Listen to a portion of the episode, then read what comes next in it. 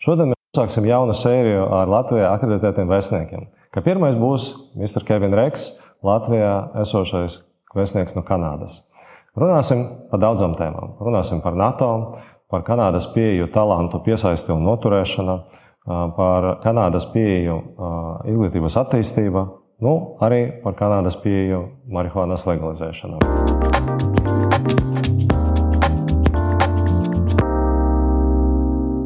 Before we start, kind of go to you know, political questions or war questions, you know, maybe let's talk about Canada. Sure. Right?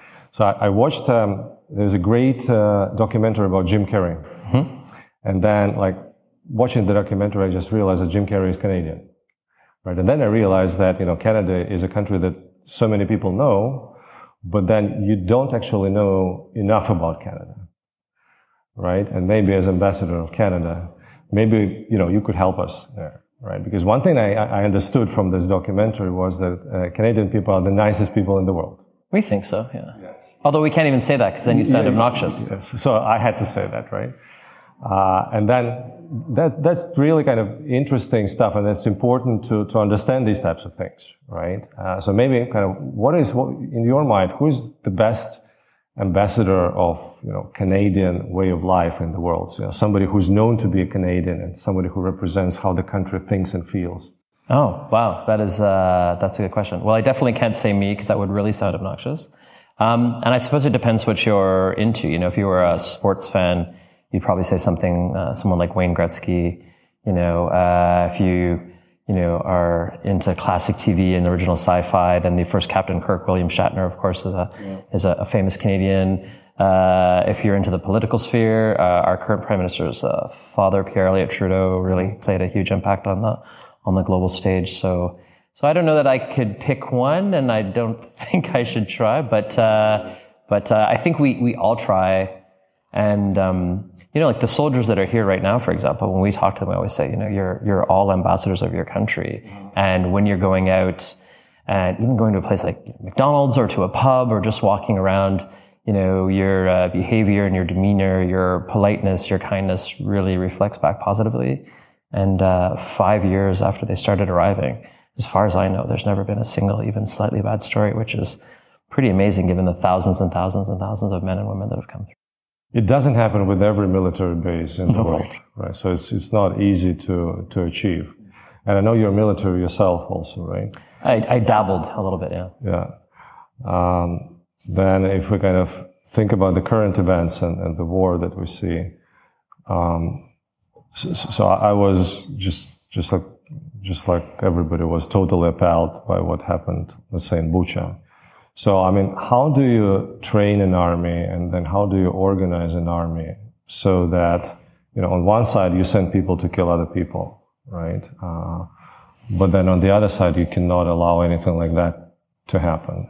And then if we compare back to Iraq war, nothing like that happened. So we had uh, Abu Ghraib uh, case, uh, but this was five years after the start of the war we never had anything. The world hasn't seen anything similar to that. Maybe there was less Instagram, but though I think there was Instagram. Um, so it's not like you treat you, you train people to be very nice, very polite because they're going to have to shoot, right? So how how do military people maintain this borderline? Well, um, uh, listen, I'm, I'm definitely not a military expert, but at the heart of any good military organization is discipline. And when you join as a, you know, like I was as an officer recruit, or as a 17 year old kid and they go in and, you know, you give up all of your normal clothes and put on the uniform. Discipline is at the heart of everything you do. It's why your room has to be spotless, your bed has to be perfectly made, the weapon has to be perfectly clean. So you ingrain discipline into a lot of young men and women that maybe didn't have it in their, their lifestyle. Um, I think what we are absolutely seeing amongst the behavior of some of these uh, Russian soldiers is a complete uh, lack thereof, right? That uh, they're just being, you know, let loose and um, whatever their training entailed, it certainly didn't do this. Um, I can say in the Canadian military, we also, uh, yeah, of course, you are taught the act of war is to inflict violence on, to inflict violence on others, but it's to inflict violence on, you know, other combatants. And we spend a lot of time uh, focusing on the uh, on the rules of conduct and uh, and proper procedures, and uh, you know, uh, working with international organizations and the ICRC, and and how people are properly treated. And that's an exceptionally important element because there will always be an end to every conflict. And what is the nature of the relationship going to be with the, the people that you are um, fighting so violently with afterwards? And when there is some, even in the most horrible situations, some modicum of respect and decency towards others, I think you can move past it.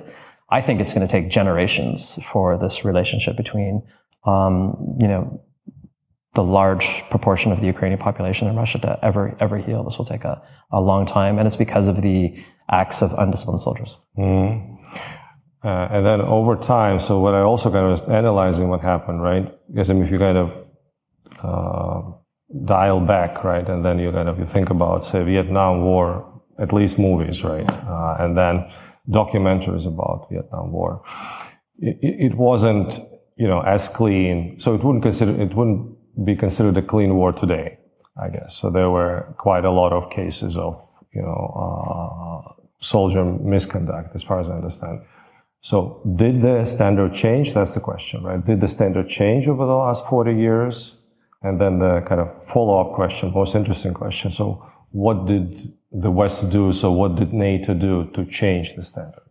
Uh, good, I mean, good question. And I'm, I'm, not enough of an expert to give you a, a, a proper answer. So uh, my uh, educated guess would be yes, it did. That you know, uh, and again, I know what I watched in, in movies as well from from that conflict.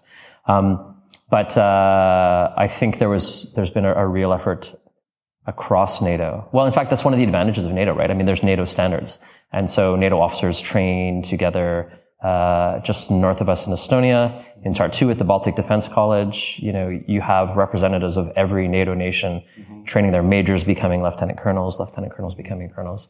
And so they're being trained to a common standard. And when, uh, you know, everyone understands that these are the rules and we're all going to follow them and we're all going to respect them, mm-hmm. it sets the tone. And I think the tone across NATO nations has been set mm-hmm. uh, exceptionally high. I mean, in the history of humankind, uh, this it's it's never been uh, it's never been sharper. It's never been more switched on than it is now. And you simply can't compare uh, the standards that we as NATO nations set for ourselves and what we're seeing uh, east of, of here in the behavior of uh, you know these these soldiers, which is I mean it's appalling, quite frankly. Mm. And then maybe last question on this: it's very difficult to blame the the actual soldier because you know you can see that you know the soldier has to be held, held accountable, of course, right? But you know you can clearly see that these are, you know, educational, low level of education. You can see a, social, a certain social profile. So I think it is also a question of what is the elite of the country and what is the officer corps of the country has decided to do as a matter of, you know, principle. Uh, so do you see something like that also? Well, one of the um, so one of the things that Canada was doing specifically in Ukraine uh, is something we called Operation Unifier, which was, pardon me, a training mission. And the Canadian emphasis was on training the the senior NCO or non-commissioned officer cadre, so your your sergeants, mm-hmm. uh, because you know these are the men and women that are you know really uh, deployed and with and living with the you know sort of frontline soldiers all the time. Um, and our assessment is it's one of the reasons the Ukrainian military has been so successful. They've been able to decentralize, uh, you know, push command out to the field at a lower level. The traditional uh, Russian or old Soviet model is very hierarchical, and there's a huge gap between the officer corps and, and the soldier corps. So if you're seeing um, uh, troops that look like they're sort of you know unleashed and are you know robbing and pillaging, I mean this is like mid Middle Ages kind of nonsense. 16th so, century, yeah. It means that uh, I mean, there's there's no discipline from the officer cadre, so they're either turning a conscious blind eye or encouraging it. Um, but there's none of this, you know, as a corporate person, there's no middle management, right? You've got the executive management, and then you've got the frontline troops, and you're missing that. And a common theme of all of the NATO allies is we put a lot of emphasis on this this middle cadre, right? Our our leadership cadre really are this, uh, you know, this, the sergeants and the warrants of this NCO thing, and they are effective. They're respected by the troops, and so they're leading by example. And if that cadre is uh, doing everything right and saying, no, we're not going to steal washing machines and you know, you know, uh, kill and rape and pillage, then you're not going to, and that's clearly just missing entirely. And it also makes them less combat effective, which is what everyone is saying. Yes, yeah. And then while we're on this NATO topic, um, um, so if we look at Europe and then we look how much uh, you know the United States puts into uh, European defense, you know, you, you, you, you're here, your soldiers are here. And then we compare it to how much Europe itself puts into that, right? Uh, and this was a status quo established after the Second World War for very well-known reasons. But then, you know, I'm questioning myself also, especially after North African situation with all of the immigrants, where, you know, Europe was totally unable to or not prepared to do anything about the immigration from Europe, from North Africa. Uh, Europe was not participating as much in the resolution of, you know, situation in Iraq. So Europe is a big continent with no military power, right? Not able, often maybe not prepared to defend itself, right? And then you guys are here now. So do you think it's like, is it like really normal? Is it really sustainable that, you know, this can continue like that? Um, well, I mean, the reality is none of us can compare ourselves to the, you know, the might of the American military. It's, it's in its own different sphere. Um, and uh, yes, Canada's here. Our deployment to Latvia is our largest anywhere in the world. Mm-hmm. And, you know, I think there's, say, there's about 1,400, you know, Canadian uh, personnel that are serving largely in Latvia, but also in Estonia and Lithuania, patrolling in the skies and, and at sea. So for us, it's a, a huge contribution. Um, but I don't think you can say that there's, there's no strong military. I mean, the, the French have remarkably strong military. Uh, so does so does Germany, just in terms of size, size and dollars. Uh, the British are still European, even if they're not in the European Union. Um, an incredibly effective organization. Uh, the United Kingdom, right, is the framework nation up in Estonia. It's Germany who's the framework nation in Lithuania. America in Poland. So it's a good mix of the transatlantic relationship of EU Europeans, of non-EU Europeans.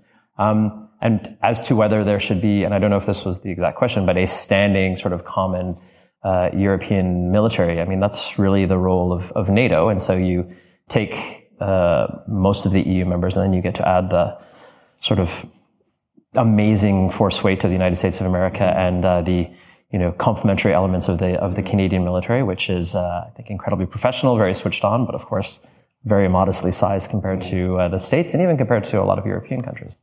I was kind of thinking it would be strange to kind of imagine that, for example, Europeans would send troops to America if there is something happening, say, south of the United States, right? But it seems, you know, normal if the United States sends troops to solve something south of Europe, right?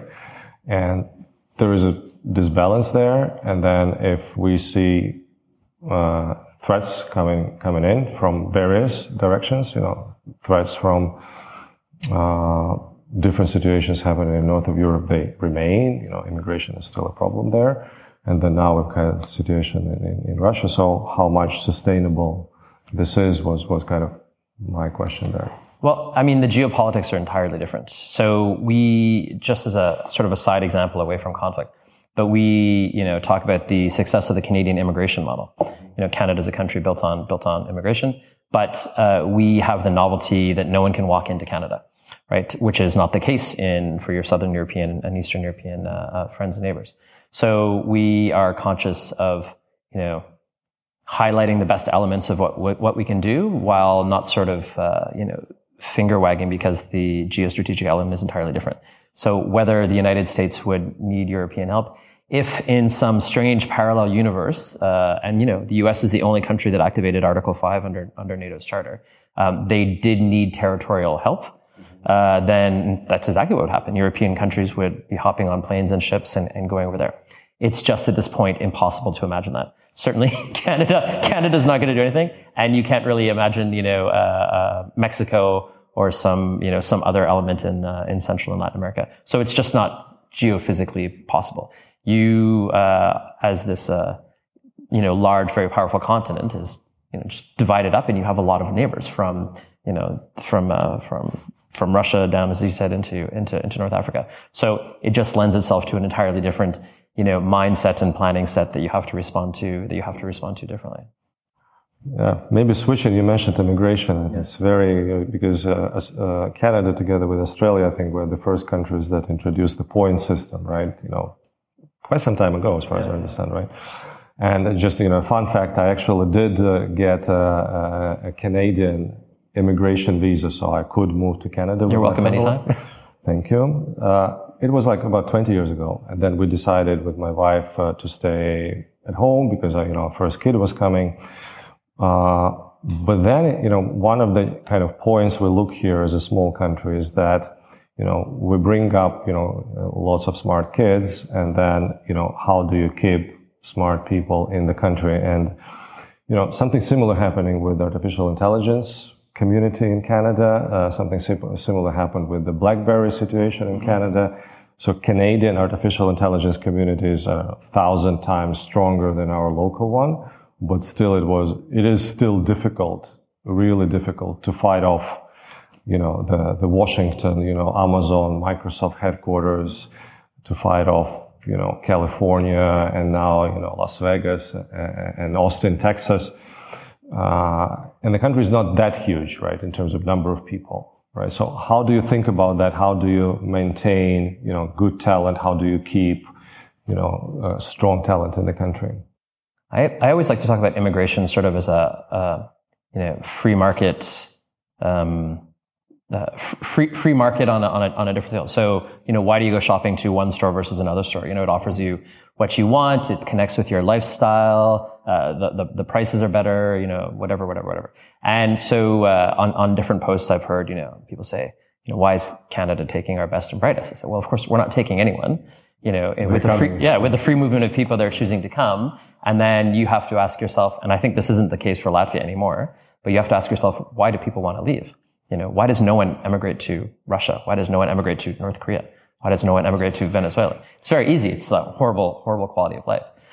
So the uh, the very strong uh, Latvian and Estonian and Lithuanian and Polish diasporas uh, and Ukrainian diasporas, right? There's 1.3 million Canadians mm-hmm. identify as uh, having a Ukrainian background that are in Canada. Came at different periods, you know, the the start of the Second World War, of course, the end of the Second World War, during Soviet occupation, end of Soviet occupation when the economies were very poor, looking for uh, a better a better lifestyle. Um, and uh, we are a nation, like much of Western Europe, that only grows through through immigration. And we have a lot of space. And there was a conscious decision made by the government uh, decades and decades ago that we would go through aggressive immigration. So this year, Canada welcomed 400,000 new citizens, you know, not through natural childbirth, but through, through coming there. And that's how we grow as a, as a country uh, and other countries, Australia, you mentioned, um, you know, the US in different ways, Germany have made that conscious decision. So we offer a very good product. You know, we offer a, a very stable government, reasonable prices, an exceptionally safe environment, good employment opportunities, uh, and for a lot of the families, you know, it ends up being uh, parents moving for the benefit of their children. So, you know, good public school system. So we offer a good system. Uh, what you see now is uh, people in Latvia are less interested in going because they don't need to. It's not as it was in 1991. It's not as it was in the in the 80s. Um, and there's this great phenomenon which you know we call like being a repat, so instead of an expat, and it's uh, people coming back. So uh, you know Latvian Canadians born in Toronto who in 91, 92 said, well, let's go check out this place that I've never seen that mom and dad always talked about and falling in love with it and staying. And your country is filled with uh, Canadian repats who came here and uh, became presidents, you know, Vike-Freiberga, who set up uh, restaurants, uh, Lulu Pizza, uh, you know, Circle K here is a Canadian enterprise. Um, you know, Air Baltic flies only Canadian-made airplanes. So there's these great contacts that happen. The president's chancellery in Latvia was established by a, an Ontario bureaucrat who, you know, came back to find the roots. And this is great for us too, uh, as an ambassador, but in terms of bilateral relations, knowing that you have uh, your citizens or your dual citizens um, or the grandchildren of that are back, you know, working in business, working in government is is fantastic. One of my favorite lines um, in Estonia, there are three serving ambassadors. All of them were born in Toronto. So my joke is 10% of the ambassadorial corps in Tallinn is from Canada. You know, it's it makes for a great story. It also makes it very easy to, you know, sort of interact and operate in. And so I mean, this is great. We love it when, you know, people come back as well. It's, it builds these ties. And we always talk about the bilateral relationship is really based on people to people ties, and that's absolutely true. And then talking about immigration and then the movement of people, I mean, uh, people come to a country and, and, they, they come to a country with their own culture. They leave some of that behind. They integrate into the new culture, but they, they kind of retain some of it, right? A bit of a tough question. You probably are aware we just had a 9th May celebration, 8th May celebration, which turned into 10th May celebration. Um, so coming from a country where there are lots of people, people come from different perspectives, and then you're trying to kind of get everybody together on one side, but on the other side, you've got to have some sort of core values in place because country does not function without core values, right? So as an outsider who knows our country a lot, you know, what do you think about that? So how should Latvian Latvian political establishment from one side, the other side, you know, all sides. So how should they behave so that uh, we avoid, you know, clashes, we avoid people being uh, polarized because it is a security thing also, right? So how do we help people to become one society rather than keep people separated? Well, I'll be uh, only slightly evasive because rule number one of being an ambassador is not to help tell ministers and presidents and prime ministers how their, like their country should be run and not do it in front of a camera. Um, but listen, let me tell you about the, the, the Canadian model. And I, in fact, was just having lunch today with a Canadian artist who did an exhibition at the Latvian Academy of Art yesterday. Mm-hmm. Born in Lebanon, emigrated to Canada, uh, where he got his education, where he started his career. You know, now lives in now lives in France. But we were talking about the you know the Canadian model. So Canada actually uh, has an official policy of multiculturalism, which means if you had decided to move to Canada. Uh, there is a Latvian cultural center there in Toronto. Your uh, children could have learned Latvian on the weekends, and funding for that is supported by the province uh, that you, you live in, in this case, Ontario, uh, and by the federal government. And that's the case for any, you know, cultural community that can, you know, uh, help us. It's a, it's a, a shared partnership, right? Um, it's one of the reasons the Ukrainian community is so strong in Canada. It's been able to maintain its language and tradition and cultures. And the idea is that if you are welcome to a country and you're not ghettoized, you know, we're going to put all these people here and all these people here, but you're really assimilated into the society. And that same society welcomes you to continue to practice your religion, your language, under the umbrella of our rules, right? Canada is a, uh, you know, open, uh, rules-based, uh, free society. And if you f- are willing to follow all that, pretty much, pretty much have at it. If you want to bring from your community or culture, uh, you know, strict enforcement of uh, some traditional laws that involve uh, uh, not allowing your daughters to have equal rights, then that's not on, and you'll, you know, you'll, you'll be punished. So the communities coming in have to accept the overarching laws and guidelines, and then they're they're welcome. So, you know, a city like Toronto, every second citizen of the more than three million that live there wasn't born in Canada, and uh, this results in this you know, massive multicultural diaspora that doesn't exist really anywhere else on the planet. But it works, right? There's not uh, you know street marches and protests and violent clashes between different cultural groups because you're sort of asked to check your baggage at the door when you come in. Um, now, again, we have the advantage of bringing people to sort of a, a different place. Uh, and the challenge with uh, not just Latvia's story here with your neighbor, but in a lot of parts of Europe is, is just history, right? And, and the families haven't moved on. So there clearly needs to be a, a reckoning that has to happen in this part of the world uh, for the tragedy that is happening in the in, in, in Ukraine. Um, maybe that's starting. Maybe that's starting the process. I you know, I don't know. I would hate to hate to speculate, but but it's certainly starting a, a dialogue, right? And uh, and I, I guess we'll see. But I think you know, I, I served in uh, I served in Afghanistan, and we were talking about you know, and this didn't go the way anyone was wanted, but you know, a lot of these changes are really generational. It takes sort of you know start starting fresh, and it's hard to. Uh, and the gener- there's a very active generation that you know very much lived under Soviet occupation and I can't imagine that anyone can just sort of forget that and let that go. So, but, uh, but I think, and you would know better than I, that, you know, that generation and the, you know, the teenagers and the 20 somethings that are coming up probably look at the world a little bit differently. And that is regardless of whether they're speaking Russian or Latvian. A lot of stuff changes just by itself, generation wise, yes. Because you know, some of the memory is simply erased. You know, people have to read about the history to know it. And then the other people, so they just don't carry it right? I mean, after the uh, it was a terrorist attack, a terrorist uh, attacks in Brussels, right? Then I double clicked on, you know, what were these people who who blew up the airport back then, right? And um, the community is, is actually nearby our office, in Brussels, Accenture office in Brussels, right? And then I, I, you know, I did a couple of projects there, so I was often in that office, and then I kind of know the neighborhood uh, a bit, right? And so I started reading on that kind of more. And then one of the questions that, you know, the Belgian society was trying to like face was that they did have lots of immigration from countries that brought in uh, Islam.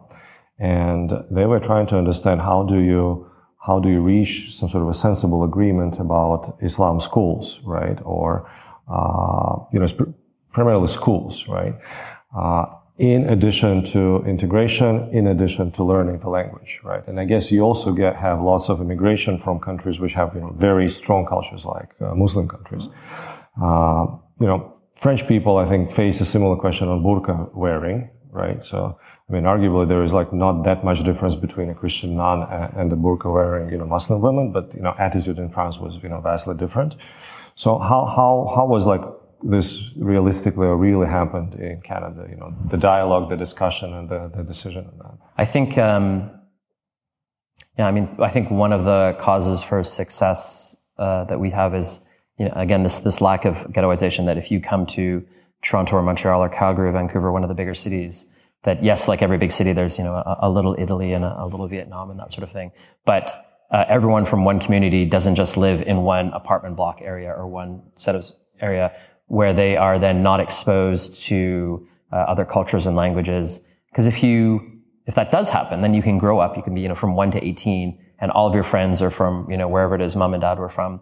You're still speaking the language. And uh, do you really feel like a, a, citizen of that country? Do you even know any other people in that country? If you're going to your school is, is all from that community. So you know this is the school, and only refugee kids are going here. Is it a deliberate policy so that you try to keep everybody's kind of spread out? No. So so in in uh, I don't think it's a deliberate policy in any of the European capitals where it happens. Um, I think Canada made efforts to to make sure it, it didn't happen.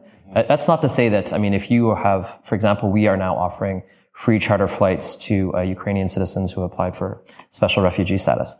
There's so many uh, Canadians that have a connection that you know you will be more comfortable going to a community where there's you yes. know sorry, but the whole communities are, are, are more or less set up like that. And because we take so many people in from so many different places.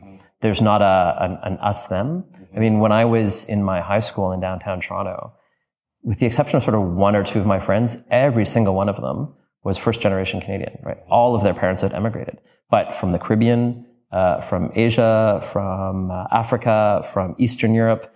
And my, my recollection from even sitting in the cafeteria in our social network was, you know, it wasn't, uh, you know, there's only two groups because you know, that's maybe that's going to create some tension. There were just so so many, and it was so diverse. It was really sort of like a, a United Nations thing that uh, you avoided the them because there was no them. It was everyone, and everyone had interesting stories, and you end up having this social network that's really, you know, uh, well, I think different and unique. But the the model works. I mean, you know, I'm a very typical, work, yeah, multi generational Canadian Western European heritage guy. Uh, you know, I was a bit more of an anomaly in my school where most most kids weren't. But that's like my friendship circle still to this still to this day. It's not like that everywhere in Canada. I don't want to pretend that yes, everything is perfect and this is exactly how the world should go.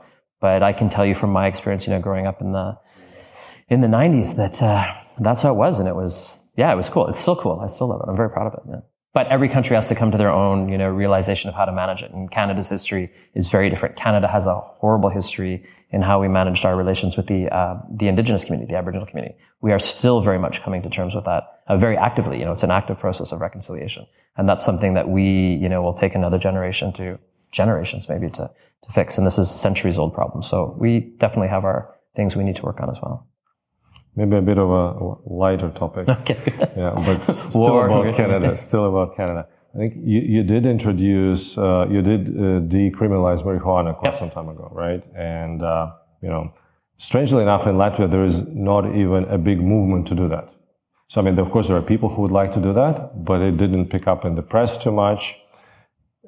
Even if there are probably people who use marijuana, I would prefer to do it legally, right? So that's that's the status quo. So what's what was your experience in the country? Did it have an effect? Did you see any medical implications? You know, impacts on memory. You know. Yeah. So um, uh, I am uh, not a a recreational drug that I ever used or, or, or to use myself. But yeah, it's totally legal now in, in Canada. And it's uh, a process that's been ongoing for a while in North America. A lot of US states have decriminalized it. You know, it started with decriminalizing it for medical purposes. And the more detailed studies that were done on it sort of show that actually, you know, marijuana usage when compared to alcohol, it's, uh, it's less toxic, right? I mean, alcohol is mm-hmm. a fun thing. I'm a big fan of uh, Latvian beer. Uh, Latvian vodka is the number one export to Canada. But, uh, but, you know, at the end of the day, it's not great for you in, in large quantities. And so I think, unfortunately, yeah. so the analysis seems to be that it's, it's, uh, it's fine. And in decriminalizing it, you eliminate a criminal element for it. Yes. Uh, and of course, it's also a great part of the tax base. So, but I haven't actually lived in Canada since it's been like, de- so I haven't done the, even like popped into a store to see what it's like. But yeah, now you can go to a store and, you know, I would like one of those and one of those. So, uh, it's, it's, uh, it's interesting. It'll be different, but, uh, but yeah. I guess one of the most famous Canadians today in the political sphere is Jordan Peterson. Mm-hmm right? I mean, you know, lots of people, uh, you know, pay attention to what he says, right? And then, uh, you know, there are uh, probably a lot of controversies about, you know, what he says and other people don't like, right? And then one of the last ones was that his stance on the situation uh, with the truckers was very well motivated, very well argued, argue, uh, argued, uh, very clear, very much against what uh, Prime Minister Trudeau uh, and the ruling coalition. And it's a bit of a difficult question. You are a public servant, of course, right? So, um, what do you think about this debate in general? This was just one example. Yeah. Peterson against, you know, Trudeau position, right? You know, aren't we like, you know, one of the Peterson arguments was that Trudeau said that, you know, these people were Nazis and then I, I, tend to agree it's a bit ridiculous to think that you've got too many Nazis in Canada right? So can we really use it as an argument? But like in the larger discussion, uh, aren't we doing a bit too much to, to push people back because of whatever, you know, rational reasons we may have and people should still have the right to express themselves? Well, I think the government was, uh, and I'm very happy to talk about this, was very clear about that. Like you absolutely have the right to, you know, peaceful protest, to, you know, the right of assembly, uh, the right to disagree, in fact, is a exceptionally important element of any healthy democracy. That was never the issue. Uh, what you don't have the right to do is to essentially illegally occupy, you know, public streets and to stay up all night, you know. If, yeah, if you, if someone was outside of your house and he just laid on his horn from midnight until six in the morning, you'd call the cops, right? And the cops would come and say, you can't do that. And if the guy said, I'm going to do it anyways, he would be arrested. So, you know, uh, if it's one person, yep, that's clearly a criminal issue, and you'll be arrested and, and you know detained on misdemeanor charges. Uh, and that seems no one would disagree with that. But uh, yeah, suddenly if it's you know dozens and dozens, then oh, but it's a peaceful protest and right of assembly. Absolutely not. Right? They were uh, you know welcomed in to to do the protest, but the police came and said, okay, now you can't park uh, this vehicle in front of the, you know, the way they let them do it in front of the CIMA. Yeah, we're just going to park cars here on the street. Police would be like, no, you can't have cars here. There's a natural security concern. People can't commute anymore. They can't get to their businesses, you know? So, uh, I think this, uh, misnomer of saying, oh, it was a trucker protest is, is an oversimplification. The reality is it involved almost no truckers. The Trucking Alliance of Canada, uh, publicly stated that it was entirely against it. Uh, the vast majority of its members, and it started out, remember, as a vaccine thing. So you can go onto their website. It says, you know, we do not support this in any name, shape, or form. Uh, all of the leaders of this, you know, so-called organizations, none of them were, you know, involved in any like really major mm-hmm. trucking industry. Um, so it just uh, played into that. Uh, and uh, yeah, there were absolutely extremist elements in, involved in it. And you, there's that line of, you know, my right to make a fist and throw a punch ends where your nose begins. Same thing, you know. I freedom of speech and the Parliament Hill in front of Canada has, you know, protests all the time. Never been an issue. My whole life I've seen them about every issue under the sun. But this was very, very different. And if you ask the citizens of Ottawa who live there, who work there, you know, the question wasn't, uh, uh, is this a good idea? It's how come it didn't happen sooner, right? You know, uh, there has to be limits on it. And there's always limits on, on that everywhere in the world. I think what was unusual is it doesn't happen in Canada. We hadn't seen it in Canada and we probably weren't, weren't ready for it. And that's why it, it dragged on, and certainly weren't ready to see it, uh, you know, the way it was propagated internationally. That suddenly people are driving trucks with Canadian flags in Tallinn and Riga. And uh, we had one guy in front of our embassy once. I'm like, oh, that's interesting. But uh, It wasn't a simplification. These were truckers. right? yeah, Because yeah. But in fact, they really weren't. They were, you know, I don't know. Yeah. I mean, for me, it was strange that uh, Trudeau, uh, Prime Minister Trudeau, tried to vilify them, saying that they were kind of Nazis, etc. Because if this is misdemeanor, that's misdemeanor. You know, you get, you know, you know, two months in jail. That's it. And then I started paying attention to this after, uh, you know, there is this uh, epidemiologist Jay Bhattacharya, a U.S. very well-known guy. He was also vilified when he expressed a lot of concerns about the policy of COVID. And I'm kind of a pro-vaccine guy, etc. I'm just like too rational not to pay attention to that, right? Uh, so that was why I wanted to kind of to check your opinion on this one. Yeah. No, I think uh, the and I mean I, I'm not aware of any quotes where the prime minister said that myself, but but the the line would always be as it was in the you know states and other places that you know within these elements we know that there are actors from you know far right extreme right movements, uh, uh, sort of radical ones that are not representative of at all of the community that they're claiming to be representative of. Yeah. Not I don't think anyone ever said this entire movement is you know representing this group. Yeah. Mr. Ambassador, thank you for your time. Yeah, my Thank pleasure. you. Yeah. Yes.